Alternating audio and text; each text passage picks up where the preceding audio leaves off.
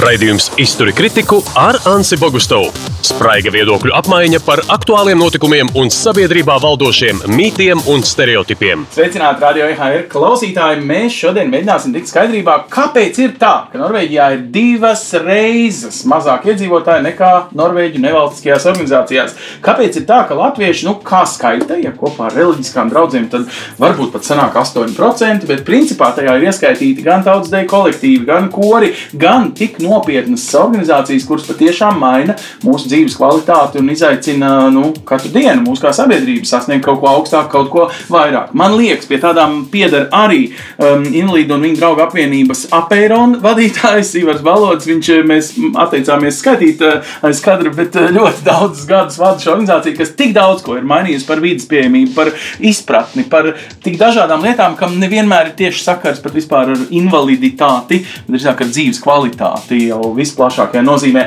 Zaiga Pūci nesen ir kļuvusi par Sabiedrības integrācijas fonda vadītāju, nu, sekretariātu vadītāju, bet uh, principā pats strādājas ar stendumu un uh, nevalstiskās organizācijas tev ir, kā teikt, arī asinsrite jau gadiem. Mēs pārējām uz to vienkārši, lai vieglāk. Ja? Um, uh, jūs savā starpā jau sen tā runājat, es ceru, jo tā jau ir arī tā doma. Un Zaiga, varbūt tu kā tas, um, ja tā var teikt, ietvara turētājs šobrīd varētu izskaidrot, nu, kaut kādā tādā dzīvības motuļa līmenī, vai tev liekas, ka nu, mēs esam kaut kādā izaugsmes sākumā, vai kur mēs esam no nevalstiskā organizācijas svara, lomas un varbūt arī daudzuma, varbūt arī kvantitatīvi viņas vajag uh, mērīt. Man liekas, ka viņi ir krietni pamazs.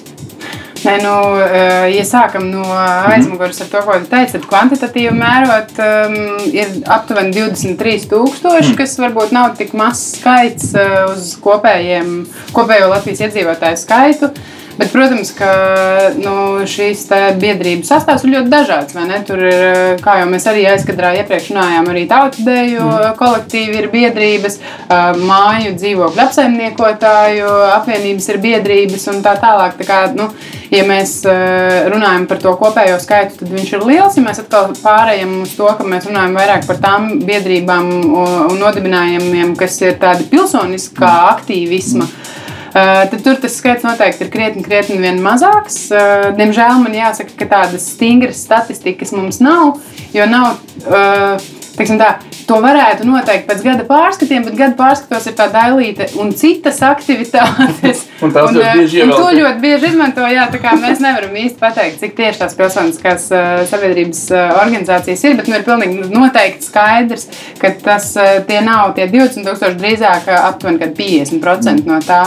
Bet nu, par attīstību runājot, nu, jā, droši vien tas, tas bēdas tās laikam šajā lauciņā ir tas viens, ka mums ir daudz aktīvu cilvēku kas, kas darbojās vairākās organizācijās. Un nu, tevis pieminētie dati par, par Norvēģiju vai, ne, vai arī nu, nu, Skandināviju, protams, šajā, šajā ziņā ir paraugs. Viņiem ir ļoti liela iedzīvotāja aktivitāte, tā kopienas aktivitāte kā tāda. Nu, mums līdz tam, es domāju, ka mēs varētu skatīties varbūt kādas vecās eh, Rietumēropas valstis kā piemēram, mums līdz tam būtu ko augt. Jā. Bet eh, ko tas dod? Nu, ja tas izaug līdz tam līmenim, tad tā ir nekad neuzvarama sabiedrība, nekad viņā nevar iestāties, nezinu, populists eh, par priekšnieku vai kaut kāda mm, juku laikā opozīcija ir tiešām opozīcija, nevis pseido nu, kaut kāds grupējums. Nu, vienkārši tagad runā, ka Baltkrievijas nemierojam. Viena no problēmām, kāpēc rietumi nevar viņus nu, tā tiešā veidā atbalstīt, ir tāpēc, ka tā nav pilsoniskā sabiedrība. Tā ir vienkārši viena maza opozicionāru daļiņa. Nu, es nezinu, manā ieskatā tā ir tāda sekundāra lieta. Tas uh, galvenais pilsoniskās uh, un galvenais pilsoniskā aktīvas sabiedrības iegūms ir tas, nu, ja mēs paskatāmies uz tām valstīm, kur tā sabiedrība ir tik aktīva, tad viņas ir arī tās uh, labklājības valstu priekšgalā. Un tas nav nejauši. Tas, tad, kad cilvēks ir aktīvs ar to domājot, ka viņš apzinās to, ka viņa viņš ir valsts sastāvdaļa un ka viņš nevis gaida, ko var dot, nezinu, valdība vai saima vai, vai nu, vienalga kāds cits priekšnieks kaut kur, mm. nezinu, kur. Eh, tajā brīdī viņš ir pasīvs, viņš eh, nu, nedarbojās tajā labklājības celšanā, nu, kaut vai tāda elementāra lieta kā nodokļu maksāšana. Zin, kā cilvēki vienmēr jautā, kāda jēga man kaut ko darīt, vai nē, es jau neesmu tas lēmumu pieņēmējs, ko tad es tur varu mainīt. Bet nu, man tā pārliecība, kāpēc es arī esmu nevalstiskajā sektorā pietiekami ilgi darbojusies, un, un to es esmu arī pārliecināts. Es domāju, ka Ivars arī var apliecināt, ka viena cilvēka aktivitātei un tai pozitīvajai nostājai ir milzīgs svars. Jo tas viens cilvēks var pārliecināt vēl daudzus citus cilvēkus, un Latvija patiesībā ir ļoti um, ērta tādā ziņā, ka mums tā nokļūšana līdz lēmumu pieņēmējiem ir ļoti, ļoti viegla. Un, ja tev ir ideja, ja spēj sapulcināt tos cilvēkus ap sevi, tad, tad tu patiesībā ļoti daudz ko vari ietekmēt. Un tas ir tas labums, ka tu vari tādā veidā celt to valsts labklājību. Labi, tad man sanāk, ko Zaiga saka, ka tu esi Latvija ka tu ar savu pilsonisko aktivitāti, pirms cik gadiem, godīgi pasaki, tu nodibināji biedrību un kāda bija uh, doma, kāpēc? Un mēs esam dibināti pagājušā gadsimta 90. gadu vidū. Tas ir diezgan sen bijis. neatkarības atjaunošanas. Jā, bet tā doma, protams, ka bija kaut kādā veidā iesaistīt cilvēkus to problēmu apzināšanā, iesaistīšanā, risināšanā, kas mums tajā laikā likās svarīga, ar ko mēs saskārāmies ļoti cieši, un tā ir tā invaliditāte kur mums likās, ka tā ir tāda ne, neaiz, nu, ne, nepelnīta aizmirsta. Un liekas, ka nu, tikai caur tādu žēlošanas vai līdzjūtības prizmu risinot šo jautājumu, tad arī šie cilvēki paliek kaut kur vienmēr aiz strīpas. Un, un, un bieži vien arī tādā mēs joprojām runājam par to, ka nu, tā ir jau nu, nabadzībai nolēmta un ja par kaut ko tad invali, cilvēka invaliditāte vienmēr tā malā ir. Bet par to, ko nozīmē nevalstiskās organizācijas, man liekas, ka nu, tā pati Baltkrievija un Norvēģija ļoti labi piemēri. Jo Norvēģijā man liekas, ka šī brīvprātīgo kustība at, at, attīstās attīstījās eh, tieši tad, kad Norvēģija bija pavisam nabadzīga, vismaz tā leģendas vēsta. Un, un tad, kad eh, bija tauta pagrimusi, un valsts saprata, ka ir kaut kas jādara, lai cilvēks pulcinātu, lai viņus kaut kādā veidā organizētu, un deva eh, diezgan daudz finansējumu tam, kaut arī tajā laikā viņi bija nabadzīga valsts, viņi deva diezgan lielu finansējumu tam, lai cilvēki pulcētos, lai nelietotu alkoholu, bet devu naudu, piemēram, kafijai, tējai un kanēļmaizītei, kas ir kā tā laba tradīcija palikusi līdz mūsdienām. Un tādējādi tā tradīcija ir aizgājusi, ka cilvēki pulcējās, lai kaut kādā veidā nu, apvienotos un par kaut ko iestātos. Bet tev neliekas, ka ir um, NVO, nu, kad ir tādi, kuri ir gatavi darīt jebko. Nu, vienkārši piedod, bet uh, tevis turpinot slavēt, un mm. nav nekāds pirmsvēlēšana triks, tur nekur nepretendē. Ne? Um, nu, Man liekas, ir ļoti svarīgi, ka tu fokusējies. Pasaki, lūdzu, cilvēkam, kas grib kaut ko darīt, bet joņo apkārt, nu, ko es tādu varētu padarīt? Nu, tādu, kāds no manis būtu labums? Ka tomēr no sākuma ir jāatrod ekspertīze, kas ir tas, ko tu proti, māki un gribi kaut ko vienu sasniegt, nevis tā teikt, glābt visu pasauli. Nu jā, bet tagad jau man liekas, ka tas piedāvājums ļoti plašs. Tā, jā, tā nu, ieiet Facebookā un tur redzi, ir, ir kaut, kādi, tur, kaut kādas aktivitātes, kuras ir, nu, piemēram, apvienība Apeirons, un tu vari redzēt, ar kādu, nu, ar kādu pieeju mēs mēģinām risināt, un reizēm ar humoru, reizēm sarkastiski, reizēm ļoti skarbi varbūt tās, un ja tas, tas, tas veids un, un, un patīk, kā mēs to darām, tad katram cilvēkam mēs vienmēr mēģinām piemeklēt to, ko viņš varētu darīt. Un nevar tā, ka tur atnāc, nu, es kā brīvprātīgais gribu būt, nu, ko tu darīsi, nu, izmazgā grīdas vai iznes miskastē ārā vēl kaut ko, bet mēģinām attīstīt to arī viņu pašu personību kaut kādā veidā caur tām mūsu aktivitātēm. Un, ja tu brīnišķīgi vadi radio raidījumus, tad tu esi gatavs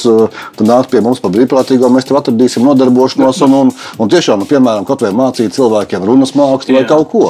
Nu, savā brīvajā laikā reizes mēnesī jau tas būtu baigi forši. Talantu, un būtībā, ja tā var teikt, uzdāvināt, nevienmēr pilnīgi bez naudas, bet Jā, uzdāvināt protams. viņu plašākai sabiedrībai. Jā, un kaut kādā, kaut kādā brīdī vismaz mēs ar savu darbību esam, nu, es esmu tā pārliecinājies, ka mēs esam tie cilvēki, kas pie mums bijuši kā brīvprātīgie vai kaut kādu iemeslu dēļ pie mums nonākuši, viņi jūtās atbildīgi beigās par to jomu kā tādu, ne jau par to Ivaru Balodi konkrēti vai kādu citu cilvēku, bet viņiem liekas, ka tas ir svarīgi.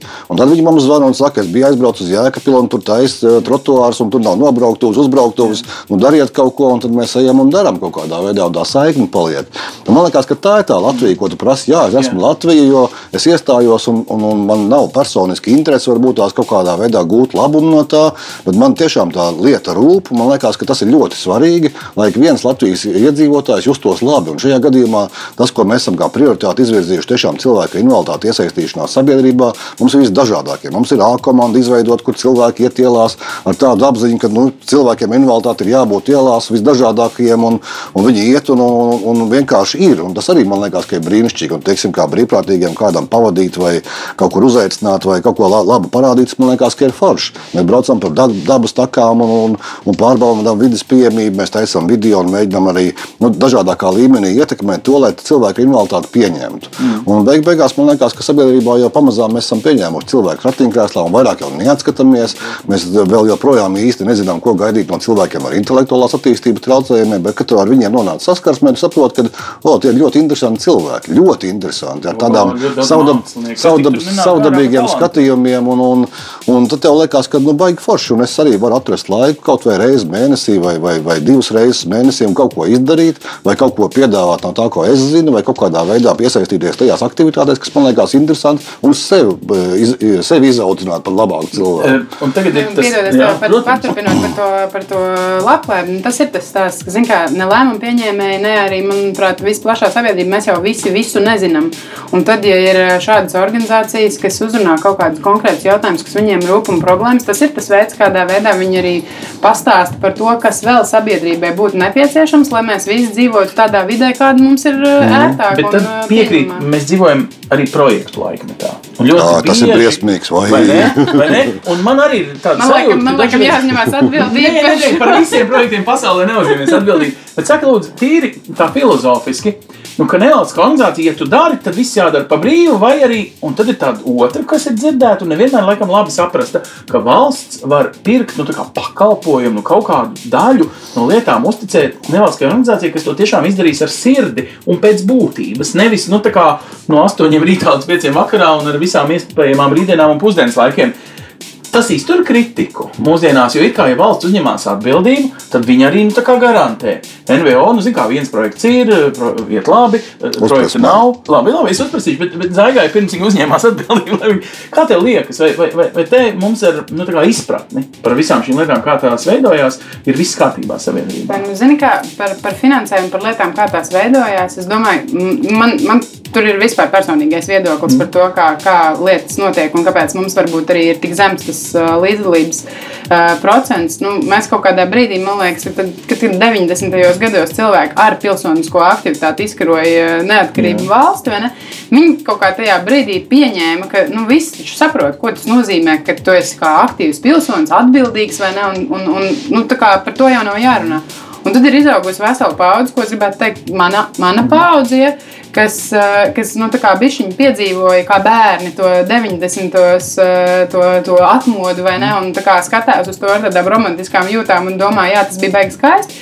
Bet, principā, no tādas eh, nu, izglītības viedokļa, nu, vismaz manā izglītības ceļā, un viņš ir bijis tiešām garš, ja, es neatceros, ka man būtu bijis tāds brīdis, ka man vispār kaut ko būtu stāstījuši par to, ko nozīmē pilsoņu tiesības pienākumi. Es atceros vienu stundu kaut kad sen pamatskolā, kad tev vispār vairāk ir zēna zēna galvā nekā kaut kas cits, ja, kur man kaut ko abstrakti stāstīja par to, ka katram cilvēkam ir tiesības un ir kaut kāda satversme, kur kaut kas ir mm. minēts. Un, zin, kā, man liekas, ka arī, ja, ja tu nepārzini šos procesus, tad tu arī nezini, kā tu vari ietekmēt. Un, ja par finansējumu runājam, tad nu, tas arī es, es gribētu teikt, ka nav tikai tie divi varianti, ko tu minēji, ka vai nu tev jāstrādā par baltu veltu, vai arī tev ir valsts finansējums. Vēl jau ir arī mecenātisms, vai ne? Un gan tas brīvprātīgais darbs, par ko mēs runājam, ir sava veida ziedošana, vai ne? Nu, gan, gan arī kaut kāds finansiāls atbalsts tām organizācijām, kuras tu izvēlēsies, un, un tu viņām vari vai nu regulāri, vai reizes gadā noziedot un atbalstīt. Un, ja, ja tas strādātu, Mums būtu pietiekami labi attīstīta gan šī brīvprātīgo kustība, gan būtu pietiekami attīstīts individuālais mecenātisms, un es ar to nesaprotu tikai tur noziedot vismaz 10 tūkstoši, ja tie, tie var būt arī eiro vai 5 eiro, ja, un nu, vienkārši tas vai arī tavs brīvais laiks vai tavs talanti, kā, mm. kā Ivers jau minēja, vai ne? Un, nu, ja tas viss tā labi saliekās kopā, ne, nu, tad, tad tas pilsoniskā aktīvisma finansējums veidojās pietiekami normāls un stabils, un tas nav tāds projekts. Protams, ja tu esi tikai uz valsts pasūtījumiem orientēts, nu, tad, tad, nu, tad jau tad, jā. tas ir jā. Nu, tas izpildu pats pa, Jā, vai arī tev nu, ļoti jārēķinās, ka nu, tā akcija kaut kādā brīdī beidzās un beidzās arī viss tā aktivitāte. Nu, mēs nonācām pie tā mirkļa, ka dažreiz nevalstiskās organizācijas ar sirdi un prātu labāk jūt, kas ir vajadzība. Nevis izpilda valdības nu, plānu. Nu, kā tev ir gadījies, ka tev, piemēram, nu, es zinu vienkārši, ka jūs esat gājuši un citur dūri galdā, un citreiz tas ilgst gadiem, bet beigās tu tiec arī pie šīs izpratnes un varbūt arī tiešām valsts pasūtījumu, bet tu viņu izpildi nu kā. Labāk, cēlāk, valstī no tā ir tā izdevīgāk. Nu, pa- pagaidām paliekam tai um, jomā, kur tā ir faktiski tā valsts nauda, ko nevalstiskās organizācijas Nē, vispār tas ir tāds ļoti sarežģīts jautājums, jo no vienas puses man liekas, ka tā tas nevalstiskā organizācija, tā izpratne vismaz mūsdienās pie tā veiklā cilvēka, kas pat uzņēmēji, kas pie mums tā ir izveidojies, ir ļoti sarežģīta. Jo skaidrs, ka tev ir sijāko, ja tu sniedz tikai pakalpojumus, un tev nav apakšā kaut kāda tāda tiešām, tiešām ideja, kāpēc tā nevalstiskā organizācija ir izveidota vispār. Un, ja tiešām organizācijas, un tā- tas ir legāls veids, kā tu izveido nevalstisku organizāciju, tev iespējams, ka nav jāmaksā kaut kas. Ja tu vēl pieliec vārdu invalīds klāt, tad vispār pavisam labi, un tev ir atlaides vēl kaut kādas. Un tad, kā teikt, tu tikai dari to vien, kā nu, nezinu, kaut kādas valsts pakalpojumus e, teiksim, pildi, un, un no tā tikai dzīvo. Un tie ir ļoti izdevīgi. Bet patiesībā tu veic to pašu sociālo uzņēmēju vai, vai pare, nu, parastu uzņēmēju darbību. Un tā ir tā, starp, tā ir atšķirība, ka mēs kaut kā nemākam nodalīt to, to uzņēmēju darbību, saimniecisko darbību no tādas nevalstiskās organizācijas, kur arī var būt šī saimnieciskā darbība, bet tas nav pamatdarbība kā tāda. Jo pamatdarbībai tā ideja, kāpēc tu esi veidota, kāpēc tu esi dibināta un ko tavi dibinātāji ar to ir domājuši, nu, droši vien ka ir kaut kas lielāks, cēlāks un kaut kas savādāks. Ne tikai naudu pelnīt, lai tu varētu viņu iztērēt un viss. Un, un tad tā, vai nu tā uzņēmējdarbības vide, vai tā klasifikācija, kas nav īsti kārtībā, un tad mēs nu, iedalām, teiksim, VF basketbola klubu, kas ir nevalstiska organizācija, komercbiedrība, komerc asociācija, kas arī ir kom, komerc sabiedrība asociācija. Dibina visas, piemēram, bankas. Jā, jā, un vai arī teiksim, kādu Ventspils uzņēmumu apvienojumu, kas arī ir kā nevalstiska organizācija un ir kā pilda tādas pašas darbības. Nu, kaut kā man liekas, ka mēs mēģinām zem tām nevalstiskām organizācijām ļoti daudz ko pabāzt, un tad tā, un tad tā, tā, tā nevalstiskās organizācijas doma ir ārkārtīgi tāda, nu, nepārāk tāda Bet dzīvot spējīga kaut otra kur. Uz, izlikdamies par nevalstisko organizāciju, patiesībā apkaunot to cēlu. Es domāju, ka noteikti, jā, es jānodarbojas, domāju, ka noteikti, jā, un droši vien, ka ir tas šī sabiedriskā labuma status, ko it kā piešķir un kur, ko atkal vērtē kaut kādā veidā, lai tev saprastu, vai tu atbilsti vai neatbilsti tam sabiedriskajam labumam. Bet patiesībā tādas biedru organizācijas, kur cilvēki nāk kopā, lai kaut kādā veidā nu, pildītu to, to nevalstiskās organizācijas uzdevumu, un manuprāt, tie ir apvienot cilvēkus kaut kādas idejas vārdā, eh, nu, darīt to, ko nedara valsts, jo parasti nevalstiskās organizācijas rodās tur, kur valsts pa- pašvaldība nespēja kaut ko izdarīt.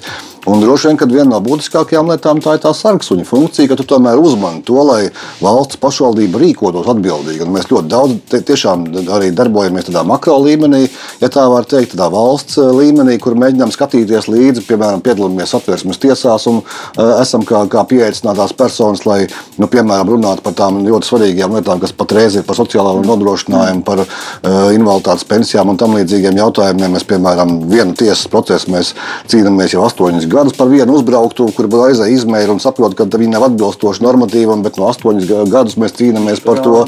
Jā, un tās tās lietas, ko tu nevari ielikt nevienā projektā, tu nevari ielikt nevienā eh, ziedotājā kaut kādā, un tad tev nu, jāmēģina kaut kādā veidā to nu, motivēt to ziedotāju vai, vai to juristu, piemēram, lai viņš astoņus gadus mums palīdz un, un, un mēģina Bet, ja izcīnīt to. varat tik ilgi un to noturēt un izcīnīt, tā tad jūs esat īstajā nu, tā kā sirds pusē Jā, bet tā ir, jā, bet tā, bet tā ir mūsu mērķi. atbildība. Mēs esam uzsākuši, un tad tas tiešām mums rūp un sāp. Un, un neatkarīgi no tā, vai mums ir projekti, vai mums ir finansējums, mēs to nu, savas prioritātes organizācijā turam ļoti augstu un no viņām neatkāpjamies. Skaidrs, ka tev nevienmēr ir nauda, un tu ne- nevienmēr tu vari nu, nodrošināt to aktivitāti ar kaut kādu finansējumu. Bet tas ir nu, cilvēki nāk, viņiem tas ir vajadzīgi. Tu redz, ka pie mums nāk zvana un prasa, kāpēc tas nav un kāpēc tur tāda nekārtība, un mums ir jāiesaistās. protams. Mums bieži vien finansējums tam pietrūkst, bet, eh, bet to tu nevari bieži vien arī izmērīt tajos projektos. Eh, Nu, ir iespēja, protams, rakstīt projektus, bet eh, reizēm ar tiem projektiem ir tā, ka viņi. Tas projekts pārņem to tavu darbību tik tālu, ka tev jau neatliek laika vairāk tam, tam sirds darbam. Un, un, ja tev katra darbība ir jāpamato ļoti daudziem pamatojumiem, katram čekam, vēl kaut kam, nu, tā ir publiskā nauda, es to saprotu. Bet, eh, bet nevienmēr tu vari izdarīt eh, laicīgi, pareizi. Un, un tā, tā arī ir viena tāda nepārāk laba sistēma. birokrātijā. Jā, Jā, jā, jā. Puses, tā ir publiska nauda, un, protams, mums jāzina, kur, kur viņi tiek likta. Zaigi, tu aizskāri vienu ļoti svarīgu tēmu, kas man liekas, kā tradīcija tiešām Latvijā, bez mazliet, ja tu esi miljonārs, tad tev ir jābūt mecenātam, ja tu esi ikdienas cilvēks, tad varbūt pat nē. Nu jau kādus pāris gadus Latvijā katrs ir iemācījies sev paprasīt atpakaļ no valsts to, ko it kā ir pārmaksājis, bet tur ir viena tāda sadaļiņa. Kam jūs gribat vienu procentu ziedot no saviem iedzīvotāju ienākumu nodokļa nu, pārmaksas, ja? nu, tā, tā, kas ir uh, samaksāts gada uh, laikā. Uh, un ļoti reci tas cilvēks, kas tā arī ieraksta, lūdzu, manai mm, bērnu mūzikas skolai, jaunām klavierēm, nu, varbūt tik kā liekas, nu, tik merkantīli. Vai lūdzu, manai reliģiskai draudzēji, es ticu, teiksim, nezinu, evaņģēliskai baznīcai vai kam.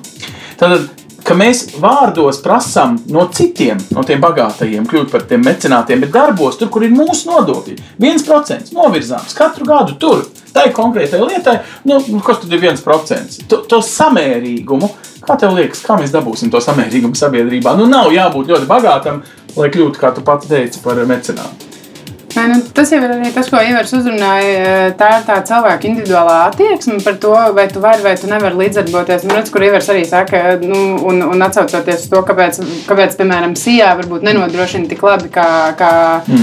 uh, NVO. Tāpēc, ka NVO strādā ar sirdi un dvēseli, viņi tiešām neskaita, cik viņas stundas ir nostrādājuši. Viņi skatās uz to mērķi, un viņi arī zina, ka tur varbūt ir vajadzīgi tie astoņi gadi, lai to rezultātu panāktu, bet viņi neatsakās no viņa. Un tad ir jautājums par to, to, nu, kas ir tas veids, vai kā tu to vari nodrošināt, to nepārtrautīgi. Jo, lai cik man ļoti gribētos piekrist Ivaram, un arī tā ir tā sabiedrībā nu, tāds valdošs priekšstats, vai ne, ka, nu, ja, tad, ja tu, tu dari kaut ko labu, nu, tad dari to bez maksas, vai ne? Tas ir arī tavs ziedojums, vai ne? Un, un, un tāpēc varbūt arī mēs tajā deklarācijā tur tā neatķeksējam, ja? nu, jo tie taču ir tie vai nu tie bagātie jau tur ir noziedoši, vai arī viņi jau to dara tāpat vien. Mēs nesaprotam to, ka, lai tu nu, jaudīgi aizsāktu, aizstāvētu tās savas intereses. Tev ir jākļūst arī kaut kādā mērā gan par, gan par regulāru viesi tajās ministrijās, darba grupās, pašvaldībās un vēl vis kaut kur, gan arī par pietiekami zinošu cilvēku. Jo nu, kaut kādā brīdī tev pretī sēž cilvēki, kas ar to darbojās jau 10, 15 gadus. Ja, un, ja tev nav Piemēram, ja tu strādā pilnu slodzi kādā citā darbā, vai ne, un tev, tu atnāc tikai uz tām stundām pēc darba, tur padarboties, nu, tad tev varbūt nerodās tas laiks, un tu arī nevari darba dienā tā vienkārši kaut kur iet un aizstāvēt tās intereses. Un tad ir vajadzīgi tie cilvēki, kas ir tajā nevalstiskajā organizācijā uz vietas un kas var izsekot tam visam līdzi. Un tad te ir tas jautājums jā, par, to, par to ziedošanas kultūru. Nu, kā tas ir tas stāsts, ka tev ir tie 100 eiro, un, nu, kā, ja tu izdalīsi katram pa vienam, tad vai visi kļūs bagāti, vai ne? Bet uh, tas ir arī tieši otrādāk, vai ne? Ka, ja katrs cilvēks pa vienam eiro noziedot, nu labi, mēs neesam vairs divi miljoni, bet nu, tomēr mēs esam mm. pietiekami liels skaits. Ja? Un šādām organizācijām tas budžets, nu, es tur labi nerunāšu par apēru, un es tiešām nezinu, bet, nu, teiksim, lielai daļai organizāciju tur 100, 200 tūkstoši budžets, tas ir milzīga nauda. Viņi var nodarbināt darbiniekus, telpas noīrēt un tā tālāk.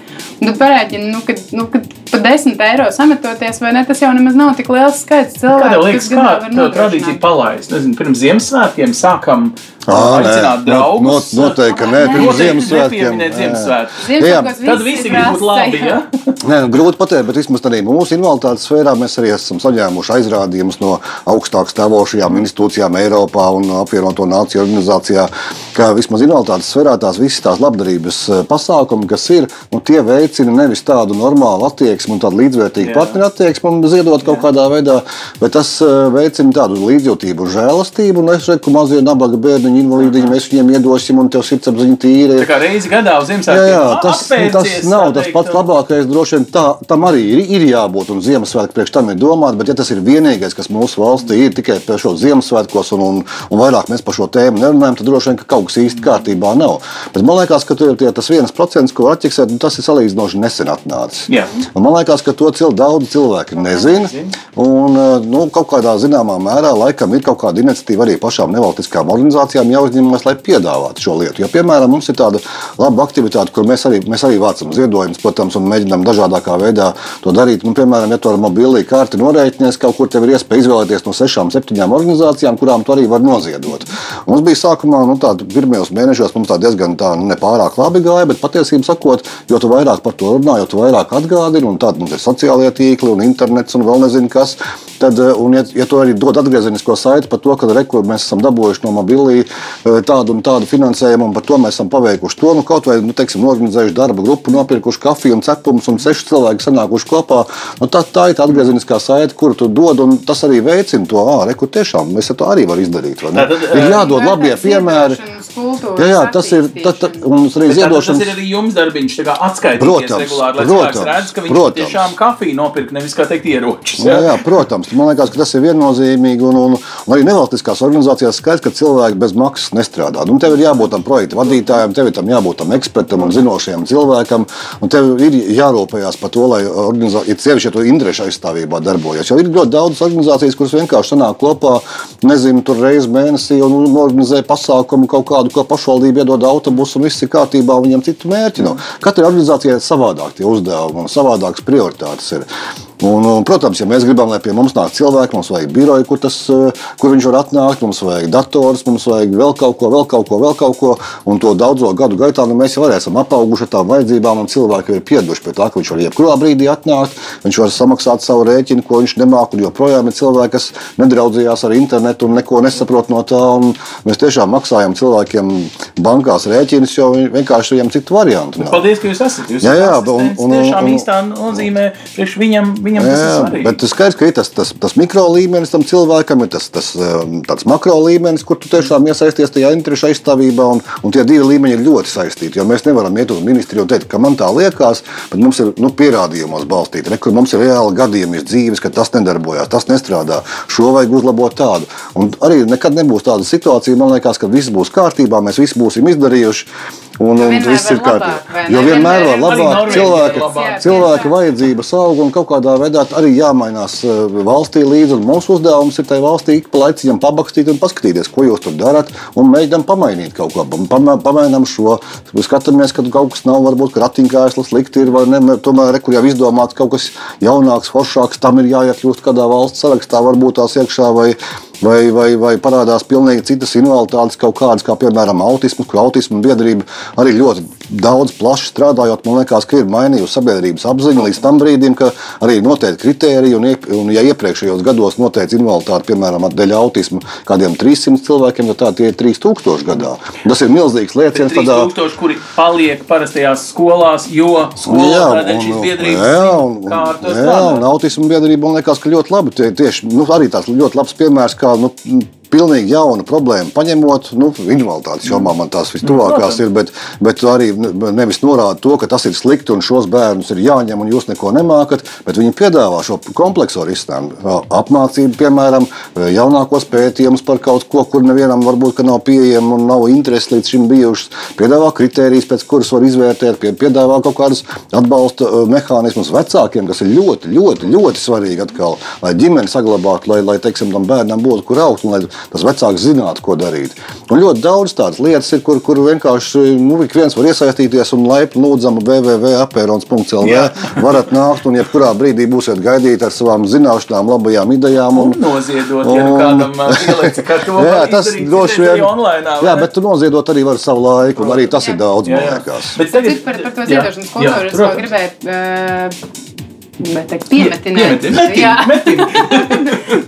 Nav labākais vārds, vai ne? Nu. Bet tas Piebilst. vienkārši par, jā, par, tas tāds par ziedošanas kultūru, tāds, ka, nu, manuprāt, tas attīstās līdzīgi tāpat kā pilsoniskā sabiedrība, tāpat kā valsts, vai ne?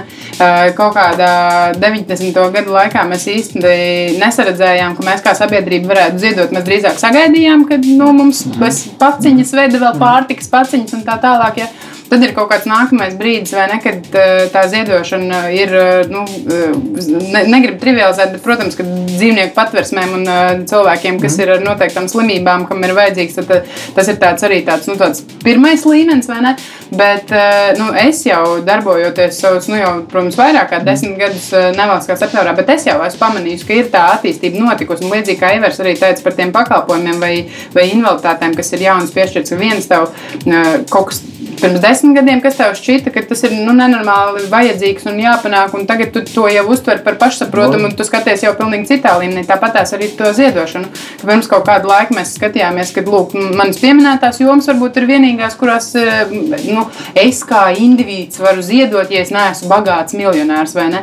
Bet eh, nu, manā iestādē, teiksim, ascendumā arī ir portāls Satorija LV, kur mēs tā kā jau, eh, nu, mēs vairs ne mēs, Jā, nu eh, jā. bet, eh, ilgstoši jā, tā kā rīkojām arī kampaņu, kas ir, nu, Ivar pieminēt tās interešu aizstāvības organizācijas. Tām ir visgrūtāk, jo skaidrs, ka cilvēkiem, kad viņi noziedo, viņi vēlas redzēt arī to mērķi vai rezultātu, kas ir sanācis. Un redziet, tu strādā tādā interešu aizstāvībā astoņus gadus, ja cilvēks tev tagad, šogad, 2020. gadā noziedo, un viņš var to rezultātu, it kā nu, tādu stingru Jā. rezultātu pēc varbūt astoņiem gadiem ieraudzīt. Bet nu, tur es arī aicinātu nu, eh, skatīties uz šīm visām organizācijām, kas ar to nodarbojas, tas patiesībā ir ļoti liels ieguldījums pat tām sanāksmēm, sešiem cilvēkiem un kafijai. Ja, jo tas nodrošina to, ka viņi uzklausa, ka viņi redz tās problēmas, ka viņi virza. Un pat tad, ja tas rezultāts ir pēc tiem astoņiem gadiem, tur ir ļoti daudz starp rezultātu, kas tajā uh, vidu, pa vidu notiek. Un tādā ziņā es saku, nu, tā ziedošanas kultūra ir attīstījusies, ka jau arī šādām organizācijām, kur pirms vēl pieciem gadiem tas šķita neiedomājami, ja, ka tu varētu ziedot kādam kādam, kas iet uz saimu un vienkārši rūpējās par, par likumu pareizu pantu uzrakstīšanu, eh, ka tam ziedo. Bet tagad ziedo. Un, un es eh, ceru, ka pēc desmit gadiem, tad, kad mēs par to runāsim un arī ar jauniešiem runāsim, ka viņi aizvien vairāk sapratīs, ka sākot ar šo brīvprātīgo darbu, kur tu atnāc, varbūt arī, ja tev nav konkrēts talants un tu nezini, kurā jomā tu gribi, bet tas ir ļoti labs veids, kā atrast to jomu. Tu iesaisties, pamēģini, paskaties, redz, ka tev iepatīkās, un pēc tam ar laiku, nu, pat ja tu saproti, ka tu negribi palikt strādāt tajā vidē, tev ir tā saite, ko Ivars minēja, un tu jau zini, ka rekur, ja tu ziedos, tur labāk un labāk bet, taps kaut kādā noteiktā jomā.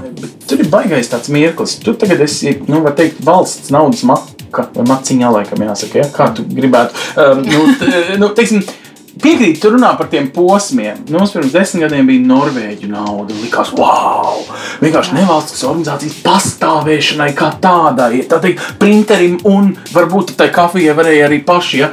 Jā. Viņi lika tā kā sēklas naudu domāšanā. Tagad mēs jau, un tu varbūt vari ieskicēt, Kur valsts iegulda nevalstiskās organizācijas? Nu, nav tā, ka nevalstiskās organizācijas saņem tikai privātu ziedojumus. Ir principā nu, tāda sistēma un schēma. Ar laiku, protams, viņa kļūs vēl naudīgāka. Bet kas šobrīd, jebkura nevalstiskā organizācija var pretendēt uz lūk, sabiedrības integrācijas fonda um, administrēto naudu, pieteikties un nu, godīgā konkursā, protams, pierādīt savus idejas dzīvotspēju? Nu, pirmā lieta, ļoti labi, ka tu pieminēji to Norvēģu naudu, vai ne? Tas ir tas finansējums, ko Norvēģi deva. Bija tāds NVO fonds Jā. tieši no mhm. Eiropas ekonomiskās zonas instrumenta. Un tas bija tāds aizsākums tam NVO fondam, kas šobrīd ir sabiedrības integrācijas fondā. Nu, viņš saucās mhm. Fonds fondā, bet nu, īstenībā tas ir vienkārši programmas nosaukums. Jā. Un, uh, līdz tam šādas finansējuma nebija. Uh, tad, tad, tad, kad uh, nu, teikt, Norvēģi parādīja, redz, ka var tā darīt un ka kāds labs efekts eh, ir un cik daudz eh, nevalstiskās organizācijas spēja pacelt savu kapacitāti, lai viņas kļūtu par labākiem interešu aizstāvjiem vai teiksim, īstenoja kaut kādus projektus jau un, un varēja kā, nu, nedomāt par savu izdzīvošanu, bet domāt par to problēmu, kas viņiem ir jārisina, cik labs efekts bija. Un tas bija labs arguments arī Latvijas valdībai, pamatot, ka lūk, mums tomēr arī ir vajadzīgs, jo tas Norvēģis finansējums kaut kādā brīdī beidzās. Eh, protams, ka viņš bija daudz lielāks. Tie bija, nu, tagad es nepateikšu, cik mums tas periods, septiņi gadi, mm, laikam, jā, jā. Nu, tie bija desmit miljoni uz septiņiem gadiem. Uh, eh, NVO fondam, nu, tagad ir, eh, es teiktu, ka nu, nu, otrais gads, kad mums ir bišķi virs miljoni. Ja? Pirms tam bija 400 tūkstoši, kas izklausās daudz, bet, ja tu sadali mm. pa organizācijām pa 15, 20 tūkstošiem, tad tas nu, nu, 40 organizācijas, ja runājot par mm. tiem vairākiem mm. tūkstošiem, cik mums vispār ir. Uh, šogad vēl palielinājām to summu, kas organizācijām organizācijām tika piešķirta, nu tad uh, kopā mēs kaut kādā 70 atbalstījām, bet nu, 20 lielas organizācijas ar lielu finansējumu un, uh, un uh, 60 gandrīz mazas, mazākas vai, vai teiksim, mazākus projektus. Bet Latvijas valstī ir kaut kāds sadalījums, nu, ka tiem jā un tiem nē, vai pieteikties var, ja tev ir nu, cēls mērķis un skaidrs plāns, kā tu to sasniegsi, tad, nu, principā, jebkas ir derīgs. Es teiktu, ka, ka tas finansējums, ko piešķir valsts, viņš nenāk tikai caur sabiedrības mm. integrācijas fondu. Viņš nāk arī caur, nu, teiksim, ir pašvaldības, kas piešķir, ir ministrijas, kas kaut kādās noteiktās jomās piešķir, vai ne droši vien, ka apvērums arī ar labklājības ministriju sadarbojas. Jā. Tas uh, finansējums, kas ir pieejams uh, sabiedrības integrācijas fondā, mums ir vairākas programmas. Mums ir gan mazākumtautībām, gan diasporai, uh, gan NVO fonds pieminētais, kas ir pamatā uz interešu aizstāvību, līdzdalību un, un pilsoniskām aktivitātēm aktivitātēm. Tātad visas organizācijas, kas darbojās šajās jomās, manas nosauktājās interešu aizstāvība, pilsoniskā aktivitāte, tās var rakstīt savus projektus un pieteikties. Jā, un, nu, tur viņām jāizvēlās, vai viņas grib rakstīt lielu projektu vai mazu projektu. Um, es pagājušā gada summa bija līdz 40 tūkstošiem lielie un līdz 7 mazie. Nu, tad viņi uzraksta savu to redzējumu. Mums ir tās mājaslapā atrodams pieteikuma formas. Viņi uzraksta savu redzējumu, iesniedz konkursā, nu, un tad jau noteikti vērtēšanas eksperti izskata šos pieteikumus. Un, nu, Izejot no tā, cik ir pieejams finansējums, tad novēl kaut kur to svītru, ka nu, šitie dabūna un, un šitie vairs nedabūna. Nu, Ivar, nu, ieliec kaut kādā kontekstā, tad jums visdrīzāk ir ekspertīze, tu teici, gan ar personīgiem ziedojumiem no viena, varbūt jums pat nezināma cilvēka, kas vienkārši jūs pazīst. Kaut kur ēterā ir redzējuši mm. jūsu aktivitātes gadiem jau. Tad ir nu, kaut kādas tiešām valstiskas programmas, kur varbūt Labklājības ministrijai ir štuks, un jums savukārt ir labs mm. risinājums, kā to nu, realizēt. Un varbūt pat ir vēl kaut kāda Eiropas, eh, nu, kuros mirkļos, kā tu kā nevalstiskā organizācija jūties. Parasti liekas, o, Eiropa, nu tad jau daudz naudas, liels projekts vai, vai kaut kas tāds. Kad tu izdari labāk? Eh, kam tu nu, vari tā atskaitīties naktī, kad nenāk miegs? Eh, kas tev ir labāks, tas, nu, tas tavs labvēlis, kurš arī sasniedz to rezultātu, un, protams, tu pirmkārt izpildi to, ko esi iecerējis? Ļoti sarežģīti uzdod jautājumus. Nu, bet, bet, katrā, jā, jā, bet katrā gadījumā Nu, redz, droši vien, ka tā, tā, tā organizācijas vadībai nu, ir jādomā par to, lai tu saglabātu savu kaut kādu zināmu neatkarību arī neapšaubām, jo tas sargs viņa funkcija neapšaubām ir. Un tev ir jāsaglabā tā organizācijas tā, tā e, dinamika, ka tu nevari iegrimt tikai un vienīgi tajās atskaitēs un uzrakstīt projektu un dabūt naudu. Tas ir baigi forši. Bet otrs ir, ka tev viņš jārealizē, un trešais ir tas, ka tev arī par to visu ir jāatskaitās. Un ja tev, ja tev organizācijā nav pietiekoši labi, kā teikt, lietvēži vai, vai cilvēki, projektu vadītāji, kas to var izdarīt, nu, tad var būt dažādas ziepes, un, un tā arī ir bijis bieži vien arī Latvijā vispār kopumā skatoties. Bet, Bet, eh, protams, ka tas ir jāsabalansē kaut kādā veidā un jāmēģina atrast to vidusceļu, lai organizācija varētu izdzīvot, lai to garu varētu iznest cauri un tomēr to savu funkciju pildīt.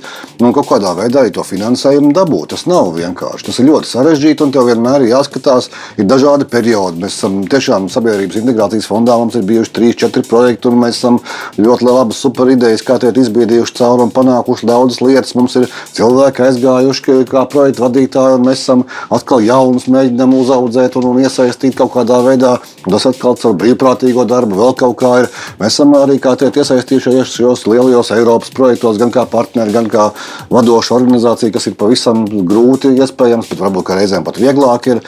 Un, nu, mēģinām kaut kādā veidā to līdzsvaru dabūt, un, un tā ir tā organizācijas vadības uzdevums tev to organizāciju stūrēt tajā virzienā, lai, lai, lai, lai, lai tos savus mērķus kaut kādā veidā sasniegtu. Cilvēkiem aizmigos skatu. Ir citreiz tā, Jā, ka, bet, ka, ka nav naudas, tu principā jau, jau sirksti. Jau, jau Ansi, vairs... nav tā. Saprot, tā, man liekas, ka vismaz apēronā mums ir bijis tā, ka mēs arī plānojot, mums katru gadu arī strateģiskās plānošanas, mums nekad neiet runa par naudu sākumā. Mm. Mēs neplānojam savas aktivitātes balstoties, mums ir tik daudz naudas plānosim to un to. Biznes, jā, mēs. mēs, mēs nu, nu, varbūt tās, ka mēs nevaram. Mēs atkal vienkārši mēs, teiksim, plānojam, mēs arī šogad plānojam, mēs nodrošināsim, tur mēs mēģināsim iesaistīties un nodrošināsim teiksim, apmācības eh, muzeja darbiniekiem vai, vai, vai, vai kādiem pakalpojumu sniedzējiem. Mēs pat ne, nebijām cerējuši, ka varbūt kādu atsaucību gūsim un arī par to varētu samaksāt kāds. Bet nu, arī tas ir aizgājis man liekas, ka tā ļoti laba programma ir izveidota arī sadarbībā ar citām organizācijām. Un, un tas ir, man liekas, ka drusku cita pieeja. Ja, ja tu sāc un dari kaut ko, tad tā nauda arī parādās. Mm. Bet, ja tu to naudu prevalē pār visām savām idejām, un tev galvenais ir tas nopelnīt kaut kādā veidā, un naudai, naudai, tā viss mums ir rekursus, izsludināt tādus projektu konkursus, viss mēs savus prioritātes mm. pakārtojam tam. Nu, tam man liekas, ka nav ne, tas, ne tā atdeve tāda arī, ne, tā, ne tām darbībām, varbūt tās, ka ir paliekošas vērtības. Bet tad arī nav godīgi sev saukt par nevalsts organizāciju. Un tad, tad, nu, tad, tad, tad arī tā godīgi. Jā, jā. jā. nāk no valsts arī, nu, tieši tāpēc sākumā teicu, ka nevalstiskajai organizācijai tieši dēļ tās arkstuņu funkcijas un tās neatkarības vai atkarības, mm. Eh, kas var izveidoties no valsts vai pašvaldības eh, institūcijām. Un tā ir tā lieta, nu, ja tev nav viņš sadalīts un ja tu pārāk kļūsti atkarīgs tikai no projektiem vai tikai no viena finansējuma avota. Ja, Nu, tad, tad es domāju, jā, ka tu pēc būtības vairs neesi nevalstiskā organizācija. Tu esi tāds naudas apguvējs. Nu, Jā, jā, mums arī ir tā, jau mums ir, bijuši, tāds, mums ir bijuši tādi gadījumi, kad mums arī nāk ar finansējumu un saka, piedāvā naudu, bet tad mums vajadzētu kā teikt, to vidas pieejamību tādai dažādā, dažām eh, kategorijām. Piemēram, varbūt ka nepiemērot cīnīsimies par to, ka, ka dažām iestādēm nevajag šo vidas pieejamību, varbūt tās, un tad mēs sakām, ka nu, paldies, bet nē, arī, lai arī piedāvā kādu naudu. Tur. Bet ir lietas, kurām tu nevari pārkāpt pāri, un tas nav ar naudu saistīts. Tā ir tāda stētikas un morāls jautājums. savus principus pirmkārt, un tad domā. Bet, protams, tur nevar, nevar būt divu domu. Tā labā lieta, kas ir NVO ā, fonda ietvaros, ir tas, ka organizācijas var dabūt finansējumu arī savam darbības atbalstam. Un tas ir tiešām ar NVO fondu ienācis. Līdz tam tas vairāk bija tieši uz projektiem orientēts. Tagad tam darbības atbalstam tu vari rakstīt to, ko tu nodarbojies un to, kas tev ir svarīgs. Bet dabūt finansējumu, nu, teiksim, tur telpu īrei vai grāmatvežu apmaksai vai nu, tām vajadzībām, kas, eh, kas ir nepieciešams, lai tu to savu pamatmērķi eh, organizētu. Protams, ka joprojām, lai attīstītu, lai teiksim, arī valstī ir jābūt kaut kādam veidam, kā viņi eh, īsteno tās savas politikas, vai ne? Un mēs, kā sabiedrības integrācijas fonds, esam tas instruments, kā viņi to dara, vai ne, ca- caur mums. Uh, bet tas atkal ir nu, citādāk. Manuprāt, tam ir jābūt līdzsvarētam valsts piedāvājumam, ka tu gan dod naudu konkrētiem projektiem, un, un manā ieskatā tam būtu jābūt tā, ka, ja organizācija redz, ka ah, jā, šis ir tas, ko mēs darām, mēs šeit varam pieteikties, tad tas ir pareizi. Nevis, oh, kā mēs varētu pielāgot savu darbību, lai mēs varētu Nu, pieteikties. jā.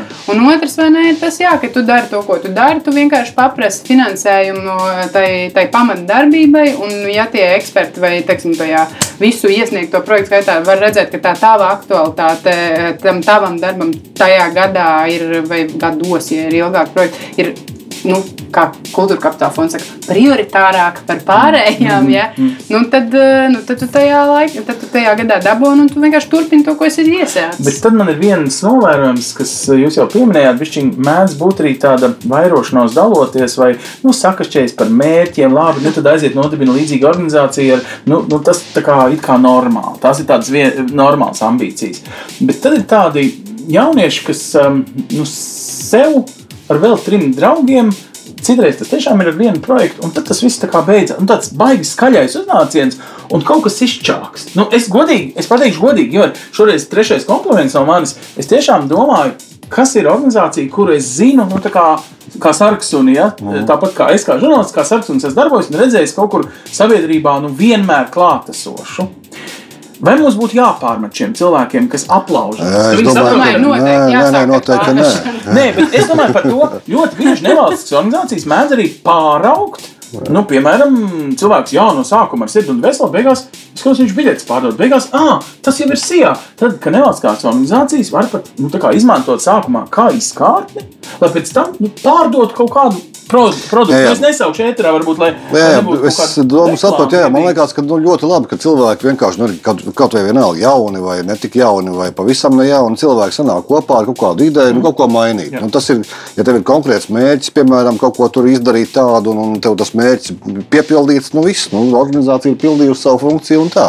Ja tas organizācijas darbība pāraug jau nu, tikai nu, tur rodās tur tā biznesa ideja kaut kāda apakšā, un tikai tā paliek tikai pāri, tas viss pārējais. Nu, arī ļoti normāls process un dibina sijā vai, vai sociālā uzņēmuma un, un uz priekšu, un viss ieroči rokās, un, un tie ceļi ir kā teikt pavērti. Un, un man liekas, ka vienkārši kaut kādā veidā nu, sabiedrībai jāsaprot, ka, ka tā atšķirība starp to uzņēmēju darbību un to nevalstisko organizāciju. Un Tā man man, liekas, ka šito. man liekas, ka mūsdienās, kad ir visi, kas grib no sākuma mēģina nodibināt sociālo uzņēmēju, ja nesanāk, tad dibina parasto sijā.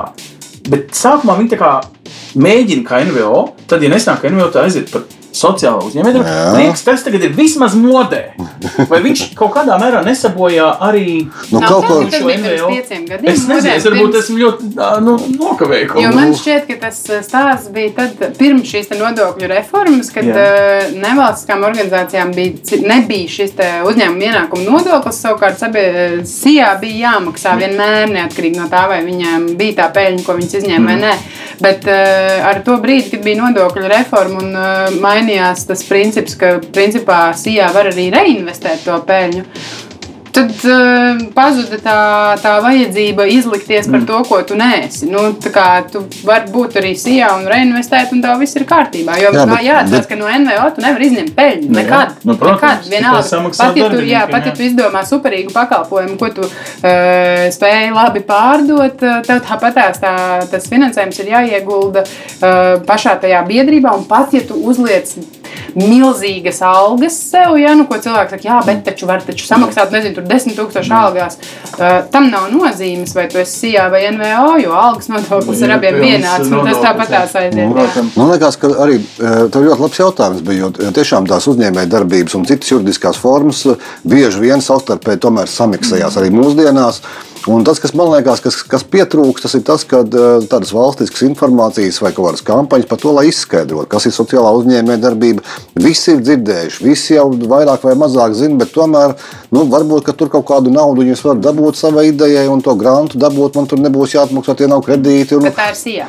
Jā, jā, bet kaut, kaut kādā veidā tā vai visu dabūt, vai ne? Un tā, un tad, tad, tad tev nav īsti skaidrības, kur tu vari, kā teikt, sevi ielikt. Vai, vai piemēram, es gribu veidot uh, sociālās aprūpes centru kaut kādā, nezinu, tur Jēkabpils rajona kūku pagastā, mm -hmm. piemēram. Mm -hmm. un, un tad uh, mēģināt, ka, mēģināt uh, viņu izveidot kā nevalstisku organizāciju, jo tad atkal tur valsts tev bez maksas dod, pašvaldība bez maksas dod telpas vai vēl kaut kas tev ir.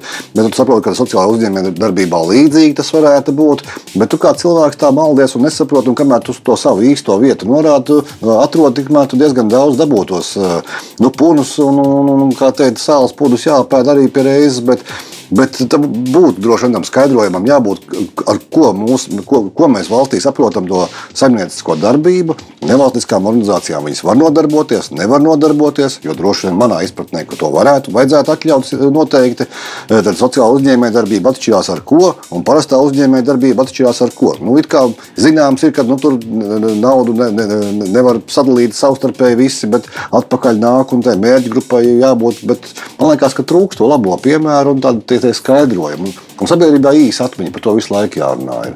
Ar to nepietiek, ka tu te lampā parunā par to lietu un, un nu, saka, ka baigi forši vai ne. Jā, vai, vai, vai, vai, vai, vai vienkārši kaut ko tu esi ielicis mājaslapā kaut kur un, un droši vien, ka nu, tā, tā, tā jābūt tādai valsts programmai, kura par to runā. Mēs vispār kā sabiedrība zinām par nevalstiskām mm. organizācijām. Mēs, kas darbojamies tajā mm. vidē, mums liekas tik ļoti pašsaprotam un tā kā, kurš par to mm. nezina. Tāpēc labi, ka Ants arī tāds raidījums taisa un par nevalstiskām organizācijām un izglīto jauniešu jaunieši. Saka, paldies, paldies, tiešām baigi forši tas ir un, un Bet, tiešām izcili. Tāpēc, ka man liekas, ka mums vajadzētu kaut kā vairāk sasniegt to, nu, jūs to saucat par sarksuņa lomu. Mēs, žurnālisti, protams, arī uzskatām, ka mēs esam tie sarksuņi, bet vairāk to mirkli, ka nevis mēs esam atkarīgi no kaut kādām valsts idejām, bet mēs, nu, tā kā Ivars citreiz liek priekšā, daram to, daram to, tam jānorūks, tas, bet ar, nu, labiem nodomiem ļoti bieži sarunājamies ar valsti. Vai tur mēs esam uzlabojušies, ka nevis mēs rakstām rakstam derdzīgus komentārus datorā par to, ko atkal tā valsts man nav izdarījusi, bet es saprotu, es esmu Latvija, es esmu NVO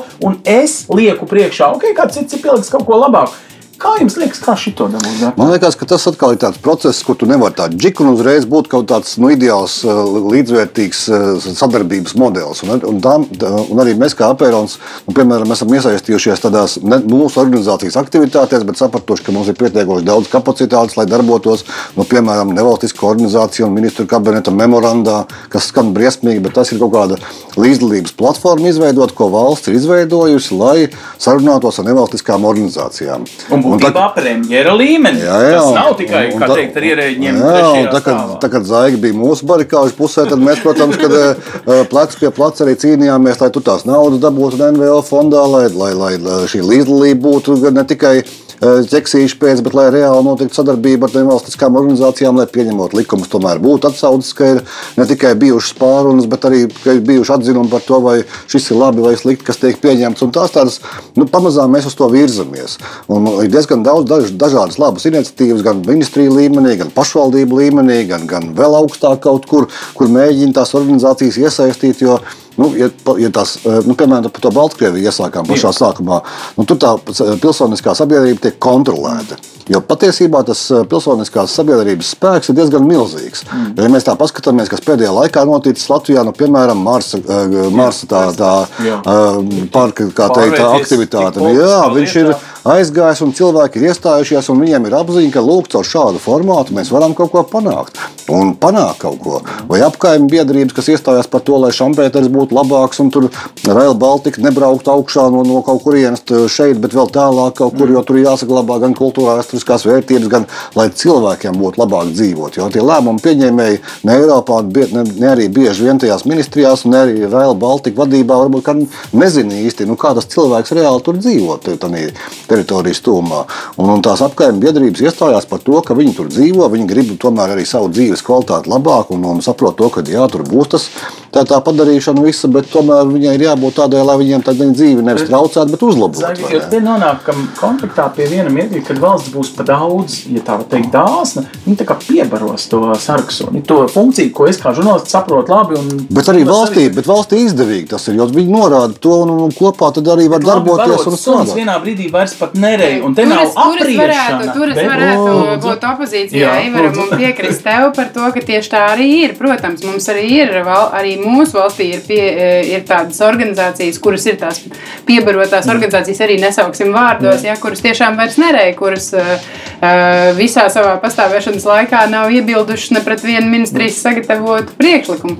Bet uh, tas stāsts jau ir par to, kāpēc es arī vēlreiz par to ziedošanas kultūru gribu runāt. Jo, nu, Tu nevari, tu nevari nodrošināt to neatkarību, ja tu esi atkarīgs no viena finanšu avota, mm. tīpaši nevalstiskajā sektorā. Nu, es domāju, arī biznesā tas ir skaidrs? Ja tev ir viens produkts, kurš tev ienes eh, simts, eh, nezinu, vai viens eh, nu, klients, ja kurš tev ienes visu peļņu, ja tad tev ir milzīgs risks pazaudējot to vienu klientu, vienkārši bankrotēt. Tieši tas pats attiecās uz nevalstisko sektoru. Ja tev ir viens finanšu avots, tev ir milzīgs risks, ka agri vai vēl. Jā, bet tev sabiedrība, sabiedrība jau tev parādīs to, man liekas, kad, kad, kad kaut kas īsti kārtībā nav. Atkal runājot par to. Sabiedrība parādīs. Jā, bet, ja nevalstiskā taut... organizācija, kurai ir eh, nu, eh, labi un tev ir eh, stabils budžets, tu vienkārši darbojies. Un, un, Jā, bet tev zūd tā jēga kaut kur, man liekas, ka nu, kaut kas pier, tur tā... Ir, ir pieredze organizācijām, kas jau bet 20 tas, gadus strādā. Jā, bet tas nav, nav, nav man, tas man liekas, ka nav daudz, bet par to labu nobaroto sunu man liekas, ka īsti jābaidās nav, jo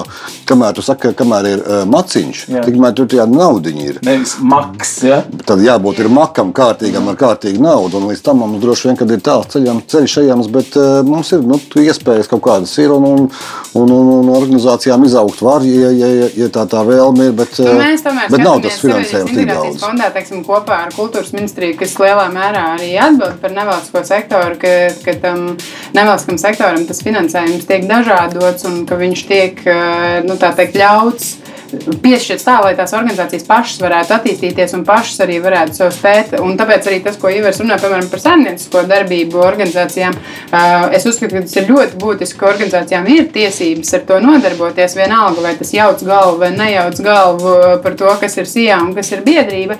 Tas ir viens ļoti būtisks aspekts, kā organizācijas vēl var iegūt savu finansējumu. Ar nosacījumu, protams, ka tas ir kā papildu darbība, nevis ka tas pārņem visu uh, konkrētās nevalstiskās organizācijas organizācijas eh, darbu. Bet, eh, nu, jā, tāds sarežģīts jautājums par to finansējumu. Nu, Ziniet, kā nav jau varbūt obligāti visām sarežģītām štelēm jābūt uzreiz atbildēm. Varbūt kādam viņi tikai tagad mūsos klausoties atnāk. Un noslēgumā es tieši tāpēc gribu jums tā tādu padomu prasīt. Iedomājieties, ir kāds, kas klausās šo raidījumu un saprot, kā tas strādā, un viņam gribas. Viņam gribas būt nu, atbildīgam, uzņemties kaut kādas lietas bet viņš vēl meklē savu tiešām talantu. Pasakiet, kurās jomās šobrīd nevalstiskā organizācija trūkst, vai ir kāda dzīves joma? Es ticu, ka teiksim, cilvēkiem ar invaliditāti ir pat vairākas, ar cilvēkiem teiksim, ar kroniskām slimībām arī ir vairākas. Un, un tā. Bet ir noteikti kāda joma, kur jums liktos, ka hei, šeit sabiedrība varēja piedzīvot lielāku izaugsmu, ja vien būtu kāds harizmātisks, piemēram, kādas nevalstiskas organizācijas. Zini, es to gribētu, es, es gribētu arī vienā lietā, tā kā varbūt pastīties citādāk uz Jā. to, ka mēs jau trešo reizi, man liekas, pieminam talantu, un manā Jā. ieskatā tas vārds talants var atbiedēt cilvēku. Tev ir sajūta, ka tev ir tiešām jābūt kaut kādam superīgam Vismaz talantam, jā, jā, lai tu varētu iesaistīties. Bet, bet manuprāt, tev nav jābūt talantam, lai mm -hmm. iesaistītos un būtu pilsoniski aktīvs. Tev vienkārši ir uh, jāgrib dzīvot labāk. Mm -hmm. un, un tad tās jomas ir, mēs nevaram šobrīd pateikt, ka tur, nezinu, uh, jomā, kas ir ar invaliditāti saistīta, ka tur ir pa mazu organizāciju vai pa daudz organizāciju, un, un teiksim, kaut kādās citās jomās atkal citādāks tas līdzsvars. Tas ir at, tas, tas, cik daudz šīs organizācijas ir. Tas ir tieši tas, ko tu pats sākumā teici. Tā ir pati pilsoniskā sabiedrība, kas jūt, kurā vietā ir vajadzīga lielāka aktivitāte. Un tajā brīdī par to pašregulāciju mm. tur gan es varu piekrist, ka tajā brīdī, kad sabiedrībā, nu, piemēram, rodās, jā, nu, es nezinu, nu, kaut vai elementārs piemērs par šiem ziedojumiem veselības jomā, vai ne? Nu, sākās ar ziedot LV vienu pašu, vai ne? Un cik mums tagad ir nenormāli daudz organizācijas, kas vāc finansējumu šiem eh, cilvēkiem ar kādām Jā. vai nu iedzimtām slimībām vai kādām citām veselības kaitēm, kur nav valsts finansējums un viņš ir nepieciešams. Vienkārši ir pieprasījums, ir piedāvājums tieši tāpatās kā, kā uzņēmējdarbībā. Un tas pats arī ar nevalstisko sektoru jomām. Ja mēs redzam, ka kaut kur ir nepieciešama lielāka aktivitāte, tad, tad vienmēr uzrādīsies kāds cilvēks, kuram es vienkārši teiktu, ka nevajag baidīties, ja ir kaut kaut kāda ideja, kur tev šķiet, ka ej, neviens to nerisina vai risina ne tā, kā es to esmu iedomājies, tad uh, Tur jau ir tas stāsts, un, un īstenībā arī tas jaukums, ne, ka mēs varam taisīt tur 5, 6 un 7 organizācijas vienā jomā. Tas tikai palīdz arī lēmumu pieņēmējiem tos lēmumus pieņemt kvalitatīvāk. Jo arī mēs jau runājam, mēs visi nevaram zināt visu, tāpat arī ierēģi, politiķi un vispārējie. Un, ja nebūs kāds, kas viņiem pateiks, ka, bet reku jūs vēl šito jomu esat aizmirsuši, vai šito jūs neesat tādā aspektā paskatījušies, Nu, jo vairāk, jo labāk. Labi, jo vairāk, jo labāk. Tev ir tāds uh, nu, mirklis, kā tu teici, ah, kur ir mans kolēģis NVO Šņiks, kurš varētu jā. to mēs to, pacelt. to, mēs to par to NVO runājam patreiz tādā ļoti augstā līmenī. Tiešām interešu aizstāvības, sarks un, un droši vien tām nevalstiskām organizācijām patiesībā nu, viņas veidojās tur, kur kaut kas nav. Jā. Vai tur, kur kaut, ko, kaut, kāds kaut ko gribētu darīt. Nu, nu, ko tu saki, nu, piemēram, ja, nezinu, ķekavā, piemēram, nu, tur ir, bet ja tur nav labs deju kolektīvs, tad pēkšņi rodas deju kolektīvs un tieši tik jā, bet, jāskatās. Vai ķekavas parkā nav soliņu un kādam liekas, jā, kādam, par senioriem? Jā, redz, kādam kaut kas rūp, nu, jā. piemēram, vai, vai, vai piemēram, jā, vai olainē kāds grib, piemēram, iemācīt kādam spēlēt ģitāru, neprasot par to naudu, viņam vienkārši tas patīk. Nākat pie manis un tā kaut kā, un varbūt no tā tiešām izaug kaut kāds bizness, varbūt no tā izaug kaut kādas ģeniāls, vēl plašākas idejas, un, un, un bet tā, tā galvenā lieta, man liekas, ka tā ir tā, nu, tā pilsoniskā apziņa, ka tu par kaut ko iestājies, tu gribi kaut ko darīt, un tev ir iespēja pamēģināt. Jo tā ir nevalstiskā organizācijā, tu izēji visam cauri. Tu esi vadītājs, tu esi, eh, tev ir jāvada kaut kas, tev ir, tev ir jābūt attiecībās ar valsti, tev ir jābūt vēl kaut kam. Varbūt tā atbildība nav tik liela, kur tev kā te tiešām pa pirkstiem sit un tu iekrīt pa kaut kādās parādu jūgos vēl kaut kur, bet tādā, tādā veidā tu to savu iniciatīvu vari parādīt. Un arī, arī, pie mums organizācijā un daudzās citās organizācijās droši vien to, arī to brīvprātīgo ieaicina viņš kā brīvprātīgais, viņam uztic projektu vadītu, asistē, projektu asistents, tu kaut ko viņam lieci pētīt, piemēram. Un tur ir tik daudz dažādas lomas, tu vari izmēģināt, pamēģināt, kas varbūt tiešām nav tie talanti, tas īstais vārds, bet nu, pamēģināt sevi, ko tu māki, ko tu proti, tas tev sanāk, tu gribi šo darīt. Bet tā galvenā lieta, man liekas, ka, ko mēs vismaz apēronā mēs ļoti tā vērtējam, ir tas, ka tev rūp kaut kas, ka tu iestājies par kaut ko. Un tu iestājies par to, par to cilvēcisko. Un ne tikai par to, lai tava dzīve būtu labāka, varbūt tās, bet lai arī tiem, tu redz, ka nu, kaut kāda nekārtība notiek apkārt. Nu, tiešām tie, tie, tie soliņi varbūt tās, varbūt tev nav bērni, bet tu redz, ka ir nesakārtots parks kaut kāds, vai, vai tur būtu brīnišķīga vieta, kur atpūsties ar vecākam cilvēkam, vai tu redz, ka tas cilvēks ar invaliditāti, piemēram, nu, viņš nevar uz to pieturu aiziet, un tu iestājies par to, ka tas ir kā te tu, nu, vienkārši, lai, lai arī viņam tā dzīve būtu labāka. Un tā rūpe, man liekas, tas ir ļoti svarīgi. Un, uh, jā, jā, arī, protams. Ir pašpārvaldes, kas arī ir viens no veidiem, kā iesaistīties un saprast, kā tā lēmuma pieņemšana darbojas, vai kā tu vari kaut ko risināt. Nu, ko, liels paldies gan Zaiga, kurai tagad eh, faktiski jāgādā, lai šī ekosistēma ir uh, viskaistākā visās dzīves uh, jomās, nu, tāda harmoniska un, un, un plaukstoša, gan arī Ivaram, kurš man liekas ir ilgus gadus kops konkrētas uh, jomas plaukšana, un paldies Ivar par to. Es kā bērnu tēvs citreiz ar ratiņiem novērtēju, cik labi, ka ir vidas standarti, kas ir pielāgotāki mm. cilvēki, kad sāp kāja, mēs to pamanām. Dažreiz šie labumi, par ko cīnās, cīnās nevalstiskās organizācijas, patiesībā ir daudz plašāki nekā tur tajos dokumentos, pieteikumos, projektos rakstīt. Un tieši par to labāko Latviju mēs iestājāmies. Mēs iestājāmies šajā redzījumā arī par domājošu Latviju. Un, ja jūs gribat kādā no tēmām, tā teikt, ieurpties dziļāk, tad viens noklausieties paši, otrs padodiet draugam, radiniekam, kaimiņam, jo podkāstu versijā mūs var dzirdēt pilnā apjomā. Mūs var arī dzirdēt dažādos EHR frekvencēs un laikos, kā vairāk tādus izvilkumus no sarunas. Un tieši tā jau ir arī tā būtība. Tikt dziļāk tiem, kuri vēlas dziļāk, vai vismaz uzzināt tiem, kuri vēlas uzzināt. Un gaidām, un gaidām brīvprātīgos arī apēronā. Ideāli. Un apēronas vēl aizvien ir skolas ielā? Valdemāra ielā, bet turpat blakus. Nu, turpat blakus skolas un Valdemāra ielā. Un uh, Sabiedrības integrācijas fonds ir ticis pie jaunām telpām Rāņa bulvārī iepratim uh, Basteikalnam sanāk, ja? Jā, blakus Latvijas universitātē. Nu, redz, cik viegli. Uh, Pretī brīvs piemineklim. Nu, tā vieglāk, pretī mildai. Aiziet pie mildes. Paldies! Projektu finansē Mediju atbalsta fonds no Latvijas valsts budžeta līdzekļiem.